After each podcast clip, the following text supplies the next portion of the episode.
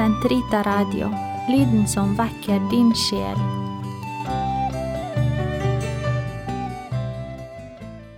Den katolske kirkes katekisme, uke 22, søndag, paragraf 2, 2720 til 2728. Kort sagt, Kirken oppfordrer de troende til å be regelmessig, daglig bønn, tidebønnsliturgien, søndagens eukaristi, festene i det liturgiske år. Den kristne tradisjon kjenner tre hovedformer i bønnelivet – bønn i ord, meditasjon og stille bønn. De har hjertets rolighet til felles. Bønn i ord, som er grunnet i enheten mellom kropp og ånd i menneskenaturen, gir kroppen å ta del i hjertets indre bønn, slik Kristus ba til sin far og lærte Fader vår til sine disipler. Meditasjon er bedende søken og setter tanke, fantasi, følelser og lengsler i sving. Målet med den er å tilegne seg det som det mediteres over i tro, sammenholdt med vårt virkelige liv.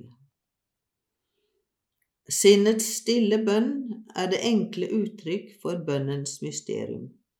Den er å feste blikket på Jesus i tro og lytte til Guds ord og elske i taushet. Den virkeliggjør foreningen med Kristi bønn i den monn den gir oss og ta del i Hans mysterium. Annen artikkel Bønnens kamp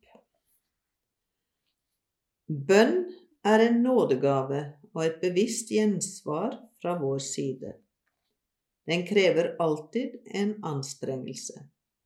Dette lærer vi av de store bønnens mennesker i den gamle pakt, som av Guds mor og de hellige som er sammen med ham. Bønn er en kamp. Mot hvem? Mot oss selv og mot fristerens underfundigheter som gjør alt for å holde mennesket vekk fra bønnen, fra foreningen med Gud. Som man lever, så ber man, for man lever som man ber. Dersom man vanligvis ikke vil handle etter Kristi ånd, kan man vanligvis heller ikke be i Hans navn. Den åndelige kamp i kristenmenneskets nye liv er ikke til å skille fra bønnens kamp. Innvendinger mot å be I bønnens kamp stilles vi, i oss selv og i våre omgivelser, overfor feilaktige oppfatninger av hva bønn er. Ifølge noen dreier det seg ganske enkelt om en psykologisk mekanisme, ifølge andre om en anstrengelse for å konsentrere seg slik at man kan oppnå et mentalt tomrom. Andre igjen setter opp rituelle regler for kroppsholdninger og ord. Slik mange kristne ubevisst tenker, lar ikke bønn seg forene med deres mange gjøremål. De har ikke tid. De som søker Gud i bønn, mister lett motet fordi de ikke vet at bønnen kommer også fra Den hellige ånd, og ikke bare fra dem selv. Vi har også å gjøre med holdninger som er av denne verden.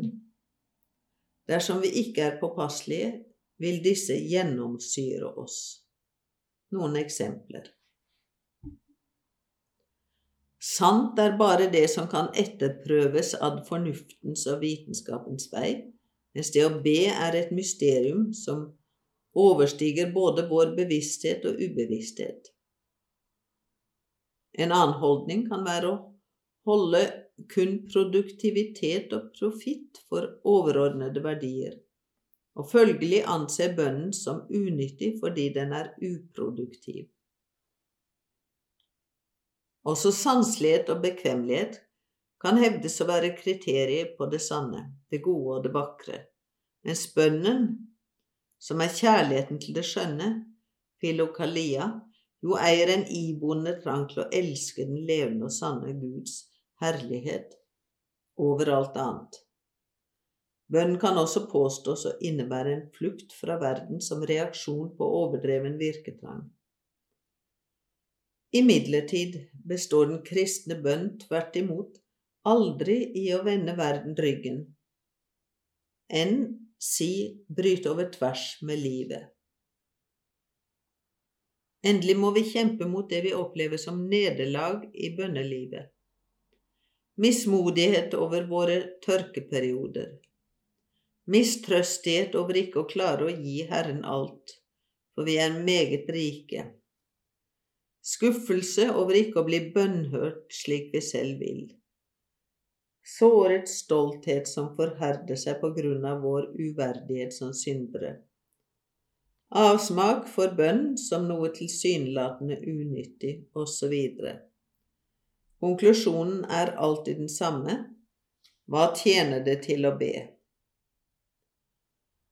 For å overvinne slike hindringer må det kjempes for ydmykhet, tillit og utholdenhet.